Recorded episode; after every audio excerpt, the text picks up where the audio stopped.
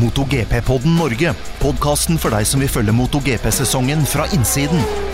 Programleder er TV-kommentator Stein Rømmerud. Hei, kjære podkastlytter. Du har spola deg fram til episode nummer 33 av MotoGP-podden Norge. Og i dag så er vi to stykker i studio. Det er Thomas Sigvartsen og jeg som heter Stein Rømmerud. Velkommen, Thomas. Takk skal du ha.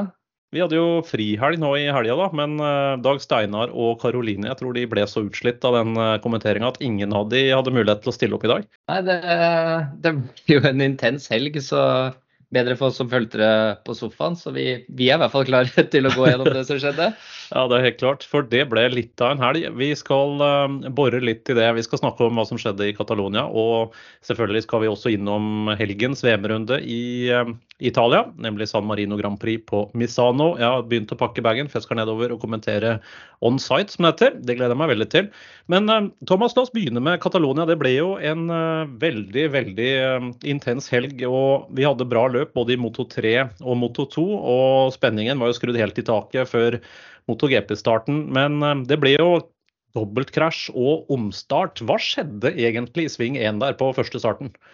Nei, det var som du sier, da, var, med, alle løp var egentlig bra, og det bygde seg opp. Jeg syns egentlig det var sånn perfekt helg å følge fra sofaen, for det var liksom intenst allerede fra, fra trening én. Og ja, det bygde seg opp, og, og det bar egentlig første svingen litt preg av, syns jeg. Det, nå er det jo første helga hvor det blei praktisert da, det nye dekktrykket, dekktrykket. Og jeg tror mange fikk en litt annen opplevelse inne i sving 1. Eh, litt fordi at eh, jeg har i hvert fall hørt rykter om at det var veldig mange som brukte andre trykk enn hva de vanligvis har pleid å gjøre. Og, og det er klart, Catalunya, når du ser T1, T2, så er det, det er en trikk i første sving. Eh, jeg har selv ligget på asfalten der med et forsøk eh, på, på utsida inn i T1. og det det funka dårlig. Så det, det, er ofte vi ser det er litt klar på bab der, men uh, nå har det blitt mer og mer i MotoGP. og Det er klart, det er mange grunner til det. Men uh, jeg syns det ser ut som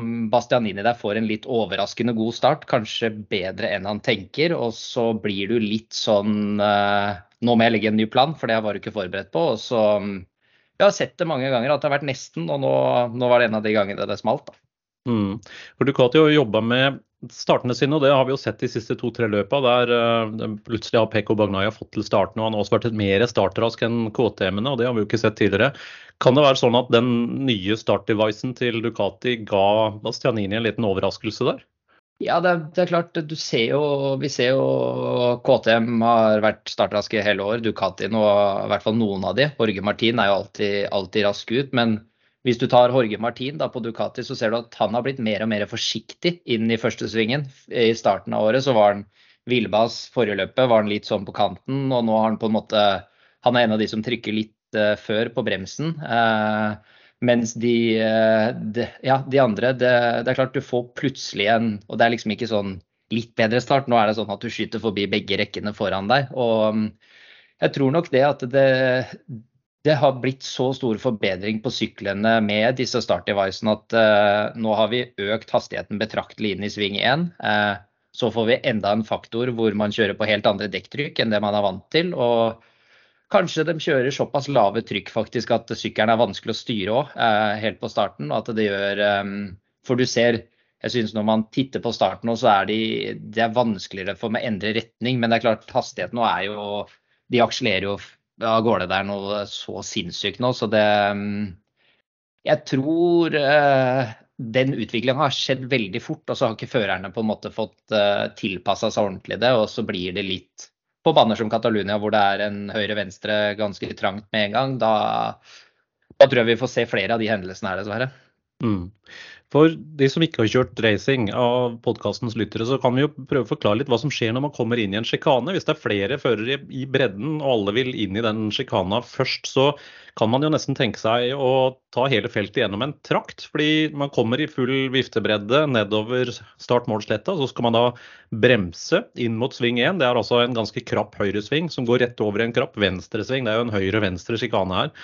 Og gjennom en sjikane så er det jo egentlig bare ett spor. Det er ikke sånn at man har god plass til tre-fire sykler i bredden. fordi en som da ligger kanskje i ytterspor inn i høyre, kanskje har et par sykler innafor seg, Han får jo da innerspor når man vipper over og skal over i venstresvingen.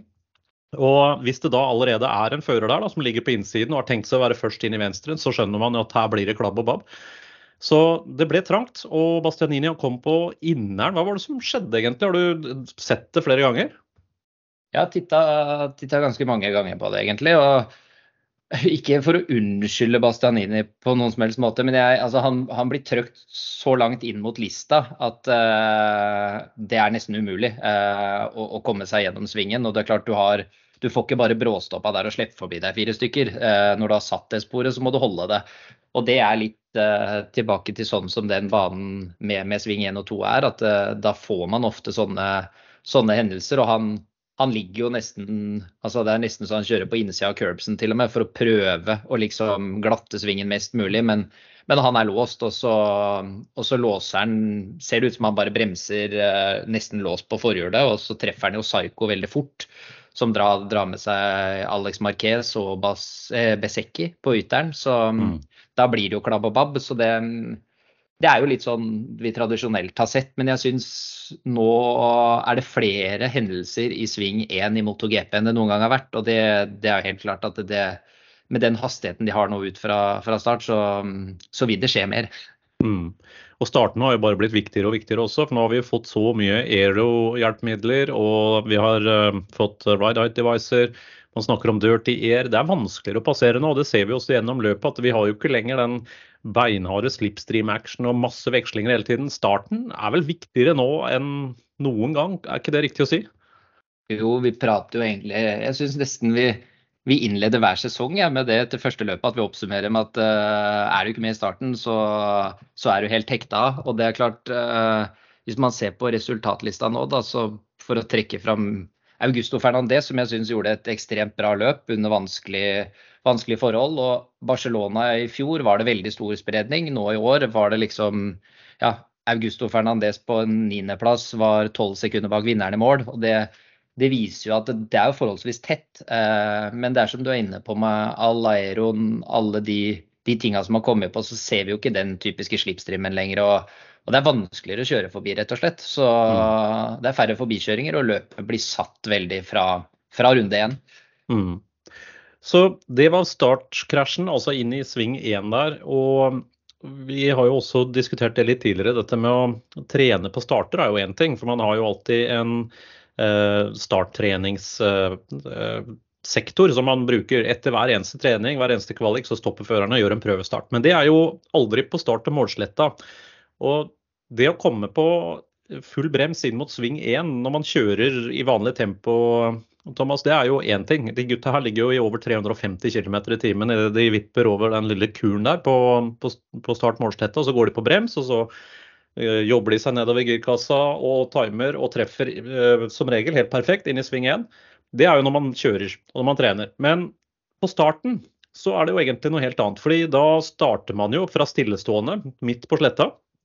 Og så er det fullt øs. Første gir, andre gir, tredje gir. Jeg tror de er oppe om fjerde og femte. De har ikke 350 km i timen når de skal på brems, men de har ca. 300. Så det betyr det er 50 km i timen mindre enn det de har trent på hele tiden. Og da har de i tillegg en sykkel med full tank, og de har alle de andre enten ved siden av seg, bak seg eller foran seg. Det er full, fullt trøkk med et helt felt som kommer inn det, det, blir jo noe helt annet, fordi bremsepunktene er jo ikke de samme da som det det er når du har kjørt uh, kanskje 30-40 runder på, på, den banen her tidligere. Hvordan i alle dager timer man det her? Det er um, det som er litt merkelig, for hvis man ser sånn alt annet som man, man måler alt på altså de har på en måte testa alle ting 100 ganger. Eh, starten får man aldri testa før starten går. Um, Formel 1, hvis jeg ikke husker helt feil, de stiller seg opp på startplata etter eh, målflagget på fritreningene og gjør en prøvestart. Så de får jo simulert mye mer riktig inn i sving 1.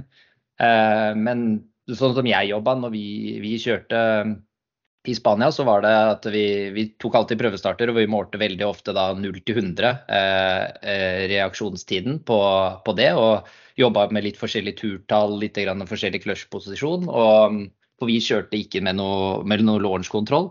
Så det er klart, det, det samme gjør MotoGP, men de, de vil jo intune da på elektronikken, for det, det er mye mer sømløst det, det de gjør. Um, Men så må du egentlig bare ja, du, klart, du har kjørt på banen mange ganger, du veit sånn cirka, men, men, det er veldig mye synsing. For at uh, du, du veit på fjerdegir på 12 000 omdreininger så har du cirka den hastigheten. Men, men, det blir liksom ikke noen klare parametere på at uh, du kan bremse på 30-metersmerket, altså litt forbi 50. Det, det, blir veldig sånn å lese situasjonen der og da. Det, det er kanskje noe de de nå, hvis de fortsetter å utvikle den starten og at det går enda fortere inn mot sving igjen, at de kanskje burde sett på Formel 1 og tenkt ok, vet du hva, etter målgang så får alle lov å line opp, og så kjører man en prøvestart. For de mm. gjør det på testene. Eh, mm. Da pleier de alltid å ha en sånn start practice etter, etter målgang. Men, eh, men, ellers er det ut av pit, og de stedene som er merka opp, som du sier, da, det, det gjør at du, du ikke har noe 100 eh, klarhet i hva du egentlig skal gjøre. Nei, da går det mye mer på feeling enn på den rene, hva skal vi si, den mekaniske inntrente bremseøvelsen der man har samme bremsepunkt gang på gang og man vet hvor, hvor grensa på en måte går. Da. Man må bruke feeling og erfaring, rett og slett. Og for en såpass uerfaren, såpass heit fører som Bastianini, da, som i tillegg nå har vært mye skada i år, kanskje litt ute av rytme, og eh, kommer på inneren der, får en pangstart. Den Ducatien er jo ekstremt startrask. Han ser at her er det alle muligheter. Går på brems helt inn på høyre, og plutselig så oppdager han at oi, her ble det kanskje litt i overkant hett. Og ser at det kommer til å bli fryktelig trangt. Bremser enda litt hardere. Og når de karbonbremsene da begynner å få opp temperaturen, og du får ordentlig bitt, så, så kan det skje ting. Og det var vel kanskje det vi så litt. Hvordan gikk det med Bastianini her, Thomas? Nei, nå var siste nyheten at han uh, må inn og operere litt. Så han, uh, han fikk seg jo egentlig en ganske hard trøkk, syns jeg, til, til, hvordan å lese krasjen hans sin bane i, i, fallet, sånn sett. Jeg syns ikke det så så voldsomt ut som, uh, som krasjen vi så litt seinere. Men, men han ja, måtte inn og justere litt, og det er vel uvisst om han da får stilt nå til helga. Han ble jo mm. sendt rett av gårde til Italia, tror jeg, og skulle operere i, i dag eller i morgen. Stemmer det. Så de var inne på røntgen. De konstaterte vel en fraktur både i hånda, håndledd, og nede i leggen, tror jeg. Så det er, eh, var gips både på hånda og på beinet. Så jeg syns jo litt synd på Bastianini nå, selv om det var hans feil her og han får en straff i neste løp han skal kjøre, så har han jo fått uh, virkelig smake på det meste i år. Han har hatt fryktelig mye stang ut. Han krasja jo allerede i Eh, i Portugal i sesongåpningen. Så har han stått over mange VM-runder i år. Nå er han endelig tilbake igjen, skulle begynne å bevise. Og så er det en ny smell og ny krasj og ny, ny skade og mer gips. Og kanskje også flere nullpoengere. Så ikke akkurat noen toppsesong for uh, unge Nea Bastianini som factoryfører hos Ducati.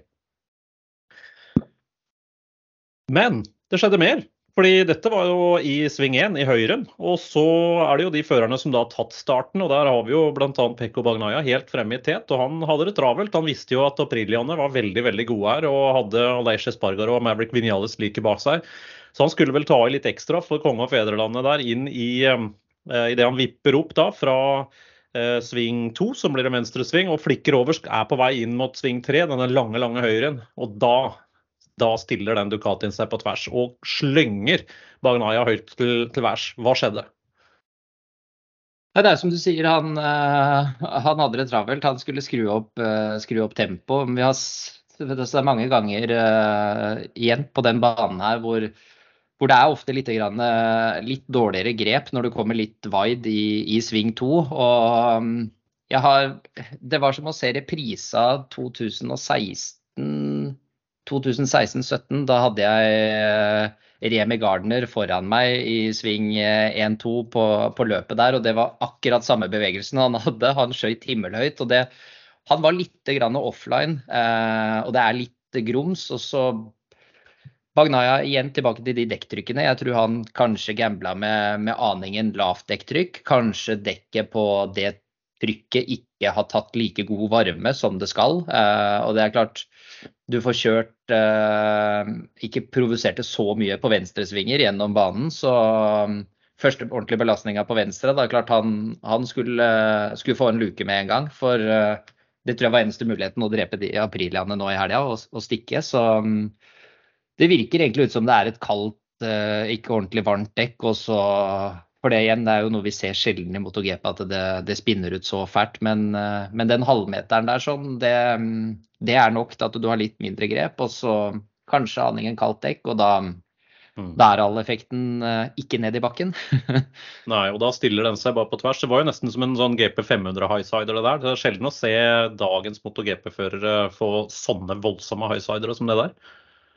Ja, vi ser jo mindre og mindre av det. Det er uh, klart de, de, har litt mer hjelpemidler, sånn elektronikken, selv om de, de, guttene kjører med lite traction. Men det er den der uh, ordentlige tverringa, da. Det, jeg mistenker at det er litt sånn kaldt dekk. Uh, kanskje det er noe med dekket. Eh, så mm, For det, det var litt merkelig. Men eh, summen av det og at han er litt eh, For du ser også på videoen at han kommer litt dypt inn i har nok bremsa på ganske mye, og så hente og blir liggende litt wide da i, i sving to. Og så, mm, og så ble det rett opp i himmelen.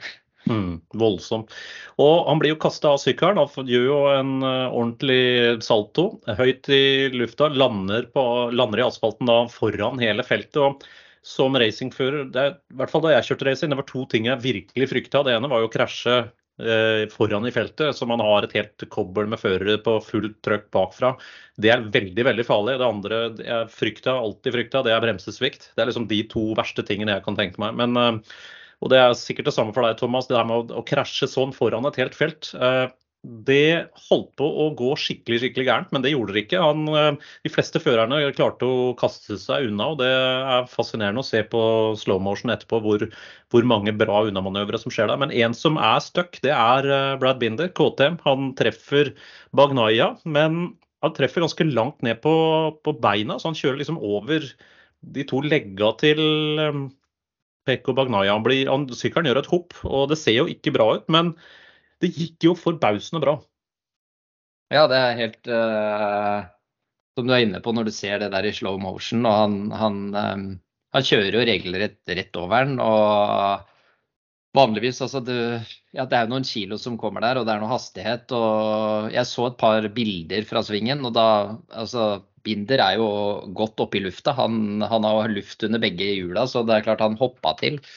Og at det, det ikke blei to beinbrudd der, er eh, det, det er litt eh, altså litt uh, betegnelsen på flyten Bagnaya er inne i om dagen, føler jeg. At det, til og med en sånn smell setter ikke han ut. Altså, det er klart han blir forslått, han kommer sikkert til å merke det neste løpet. Men, men at du ikke ryker på, på en operasjon der sånn, det, ja, det bare betegner den flytsonen han er inne i, for det, det skal egentlig ikke gå an. Mm. Og Det sier jo veldig mye om kjøreutstyr i dag også. fordi Hvis man eh, zoomer inn litt og ser hvordan Brad Binder treffer der, så treffer han jo akkurat nede på leggen der eh, støvel og skinndress har overlapp. Altså Noen velger jo å kjøre med skinndressen på utsida av støvelen, andre har den inni. Men der er det jo, det er jo ordentlig leggbeskyttere og en ordentlig skinne innsydd i skinndressen på forsida. Men det er også en sånn ekstra beskyttelsesplate på støvelen der. Så du har jo egentlig to lag med beskyttelse på det punktet. Og det ser ut til å ha tatt av veldig mye av den støyten der. Ja, det har gjort eh, Det er jo positivt å se det, at det utstyret blir bedre. Og at man kan ha sånne krasjer uten å, uten å skade seg stort. Så, men uh, det er jo litt sånn når du ser uh, Bastianini inn i sving 1 og, og, så mye han får juling av den trøkken, og så kommer Bagnaya da med alle førerne bak seg og, og blir treffet igjen, og at det, det går bra. Det, for all del, det, det, er superbra, for vi vil jo ikke at førere skal bli skada. Så det, det, er veldig bra at han, han, gikk derfra så å si uskadd. Men ja, fy flaks. ja, fy flaks, det er vel lov å si. Så løpet det ble selvfølgelig rødflagga. Det var jo havoc, masse opprydding, det var ambulanse og førstehjelp og alt som sånn det skal være. Og da ble det en uh, omstart. Løpet ble forkorta. Og det ble jo et helt annet løp enn det vi hadde sett for oss. Fordi de to Ducati Factory-førerne, Bastianini og Bagnaya, de var jo da på sjukestua på det tidspunktet, og løpet starta. Og det ble jo etter hvert en ren parademarsj for eh, Aprilia, Thomas. Vi hadde jo lenge tre Apriliaer i, i tet. Og Aprilia har jo aldri hatt uh, så mange førere uh, der fremme. Og til slutt så ble det jo en Aprilia-seier, da. Lenge så det ut som Maverick Vinales skulle vinne, men så kom jo Aleix Espargaro seg forbi. Og endelig så satt det da for han og Aprilia her på hans hjemmebane, Maverick Vinales 2. Så ble jo etter hvert Miguel Oliveira tatt igjen, men eh, Martin ble jo tredjemann her. Men vi snakka litt om det på podkasten før sendinga også. Aprilian har jo vært sterk her hele tida. Jeg spådde det er, det er sånn, Hva var det jeg sa? Jeg, det skal passe seg for å skryte litt. Men jeg, jeg spådde faktisk Alesje Spargaro, altså. Så der hadde jeg rett for en gangs skyld. Det er jo litt hyggelig, det òg. Ja, det kom meg i forkjøpet der. Jeg hadde faktisk tenkt å si at uh, der, du var ekstremt uh, på du, forrige podkast, og, og, fikk helt rett der. Så, um, men det er som du var inne på forrige podkast nå, at vi, vi så, har jo sett det nå et par sesonger at Aprilian er ekstremt sterk på den banen. og det er klart det er Spargaros hjemmebane som vi også var inne på. så det han har jo hjertet langt langt utafor skinndressen når han kjører. Det er liksom én ting som gjelder, og det er vinne. Så, og det så du litt grann grann på, på, hvordan han gjennomførte løpet òg, syns jeg. Men, men, samtidig så var jo Espargaro smart oppi det hele. For han både på sprintløpet og på hovedløpet så, så klarte han å, å, holde litt ro i starten og ikke kjøre av dekka, som, som mange andre gjorde. Og, og, tok jo bare og spiste opp motstandere. Men jeg syns det var ekstremt moro å se de to aprilene i front. Uh, den gleden. Altså, alle digger Aprilia. Uh, og det at de har liksom starta, opp igjen og vært helt der nede, og nå, nå har de jo Ja. Eh, de, de, leverer Aero som Ducati kopierer. altså De gjør så mye riktige ting nå. Så det er, det er virkelig moro å se. Og det 1-2 der, det unner jeg det teamet helt enig. Og det er første gang Aprilia har hatt første- og andreplass i MotoGP-klassen noensinne. Men hva er det som gjør at Aprilian er så sterk på Catalonia-banen, Thomas? Det er vel litt uh, den som vi nå blir, mye, nå blir, det mye, sånn som vi prata om sist her, men da får lyttere gå inn og høre på det nå.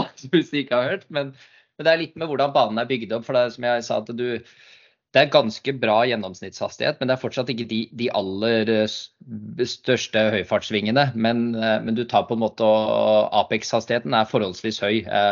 Du ligger på brems og, og, slipper opp bremsen ganske fort og tar med deg mye fart. og hvis man så liksom løpet igjennom, og så da mm, spesielt sprintløpet, hvor Espargaro ble liggende bak Bagnaya, og så altså mid-corner-speeden eh, og hvordan de bygger opp hastigheten. Og det, det syke med den sykkelen er at eh, det ser ut som jo fortere det går gjennom svingen, jo mer hastighet det blir, jo mer grep har den.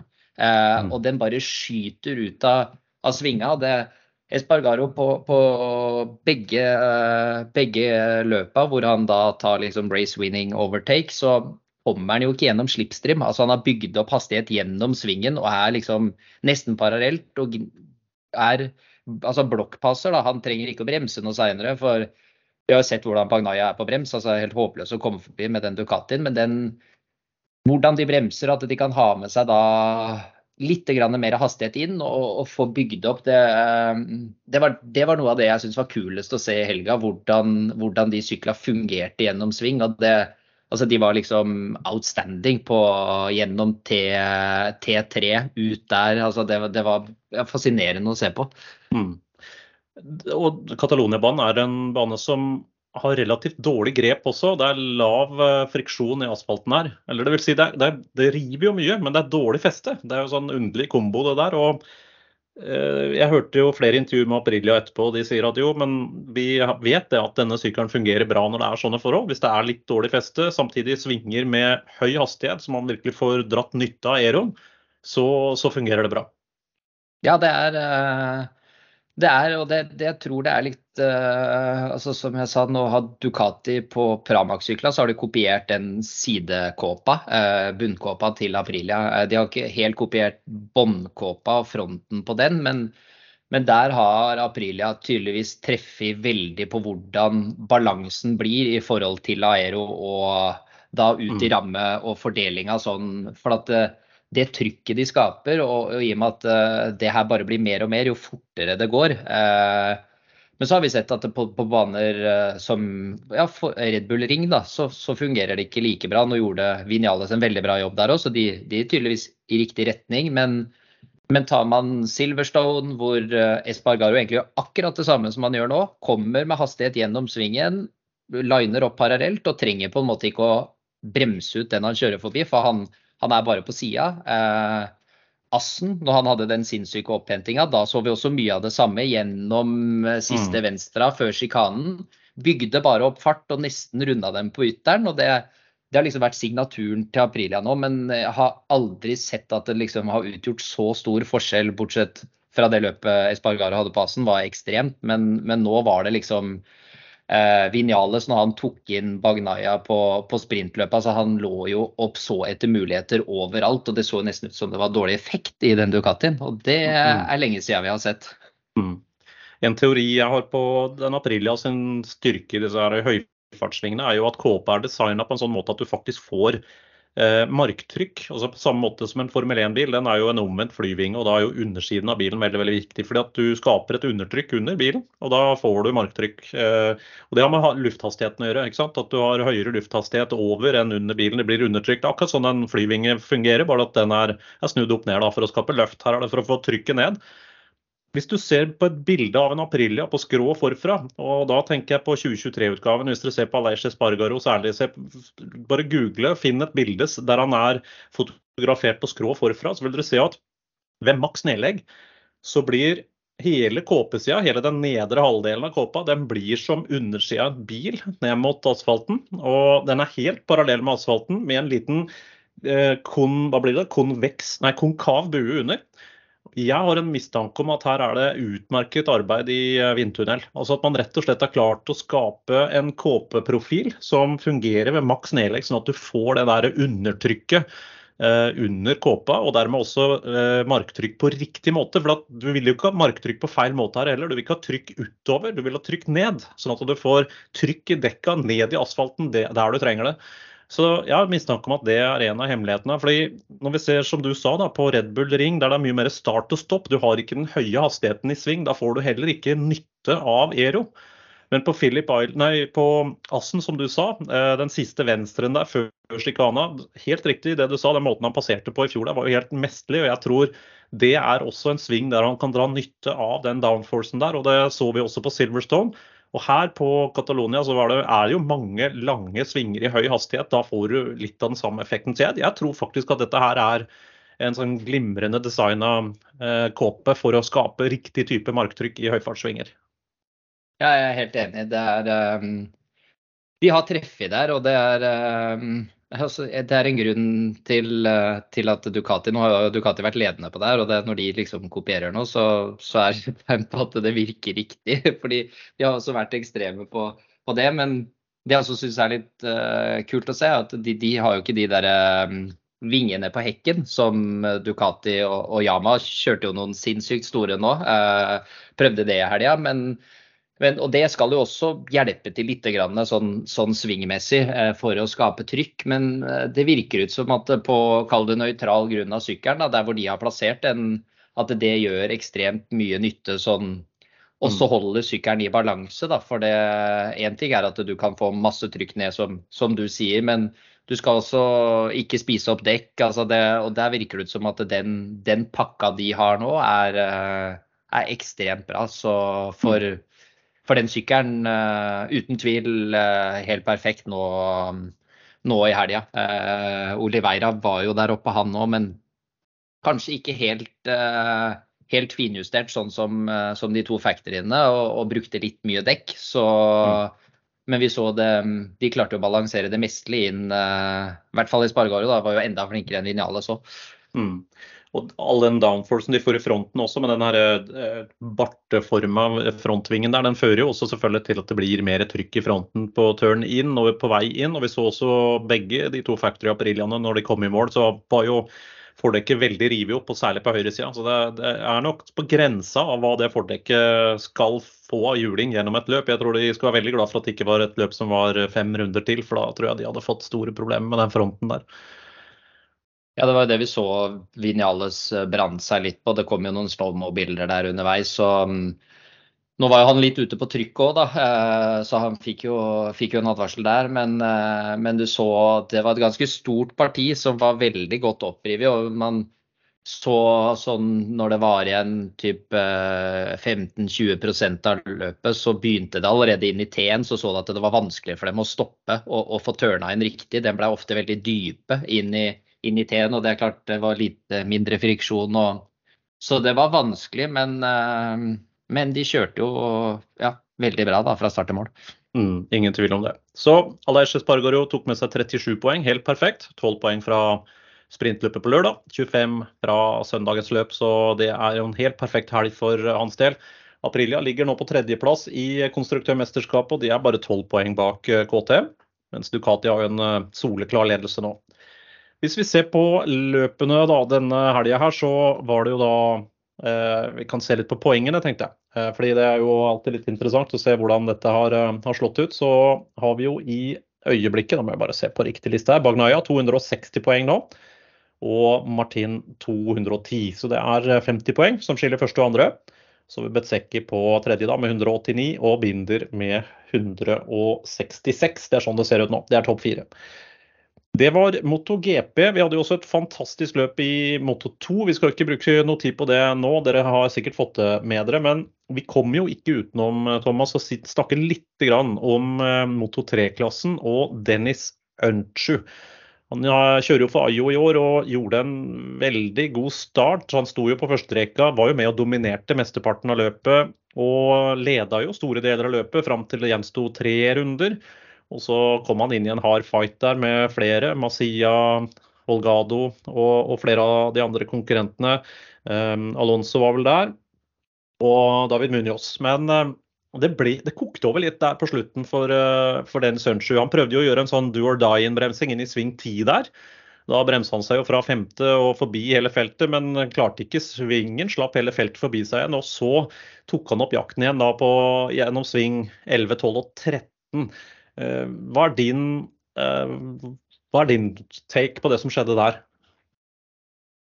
Nei, det er jo Du summerer jo starten av det, av det veldig bra. og det er det er klart at han, han, Nå har han hatt en del løp hvor han er helt der oppe. og er klart, Han er en av, en av førerne som preger klassen. Så, så, han har jo en forventning til seg selv, helt sikkert. Og i hvert fall være på pallen hvert løp han, han stiller. Og han var rask gjennom, uh, gjennom helga, både på treninger og kvalifisering. og det er klart når du, De ligger i den gruppa. Moto 3-løpene er alltid vanskelig eh, å gjennomføre. For det, det, skal liksom så lite til før du plutselig er nummer ti. Eh, så gjør han ja, Vi ser Dennis noen ganger så koker hun litt over. Gjør noen eh, han, han, er veldig glad i å utfordre på brems. så noen ganger synes jeg han er litt eh, fortsatt litt ung eh, sånn i tankegangen. For det er liksom rett fram, men samtidig så det er den innstillinga man må ha for å komme opp. og så Det blir jo bare at han skal prøve å hente seg inn igjen på slutten der. Ta mest mulig. Eh, ja, spisse skyggelappa litt, og så er det bare å fyre på. og så blir det jo et lite, lite sammenstøt der, og han, han, får jo en straff da, i, etter det. Um, ja, jeg er glad jeg ikke sitter som dommer, men, men det er jo, er jo litt sånn ja, det er vanskelig å sette skille med hva er racing og, og, og, hva er ikke. Men vi har jo sett like situasjoner før som det ikke har blitt dømt på, og så blir det dømt. Og ja, det er vel kanskje litt, uh, litt uh, at man ja, kanskje syns at det er litt mer desperasjon i det. Altså, ja, jeg veit ikke, jeg har ikke noe, noe, godt svar. Jeg syns det er strengt, da, sånn uh, i bunn og grunn. Det, ja. det gjør jeg. Ja, jeg er helt enig med deg. Dette er jo da ut av siste høyresving, ut på langsletta på Catalonia. Han ligger jo da på en fjerdeplass, og mannen på tredje er David Munoz. Han eh, klarer ikke helt å holde sporet der. Han er eh, langt ute. Han er sikkert to meter fra idealsporet, men han ligger på tredje. Eh, og er langt ute og begynner å hente seg inn igjen, mens Dennis kjører et trangt spor. Han er ofte god til å holde høy hastighet og trange spor, eh, Dennis Hunchu og kommer i høyere hastighet bakfra. Bare holder en veldig trang raceline helt inntil ved curbsen og går på fullt øs ut av siste sving. Da kommer jo Munoz tilbake igjen etter å ha vært langt ute. Og det blir kåpe mot kåpe. og Den kontakten gjør jo at David Munoz går over ende og sklir ut. og det som skjer etter det, er at dommerne mener at dette er uansvarlig kjøring. Han blir idømt en, long, en dobbel long lap penalty, men i og med at dette er siste runden, så får han jo ikke avtjent den. Og da har de beregna at en dobbel longlap det tilsvarer seks sekunder, så det er den tillegget han får.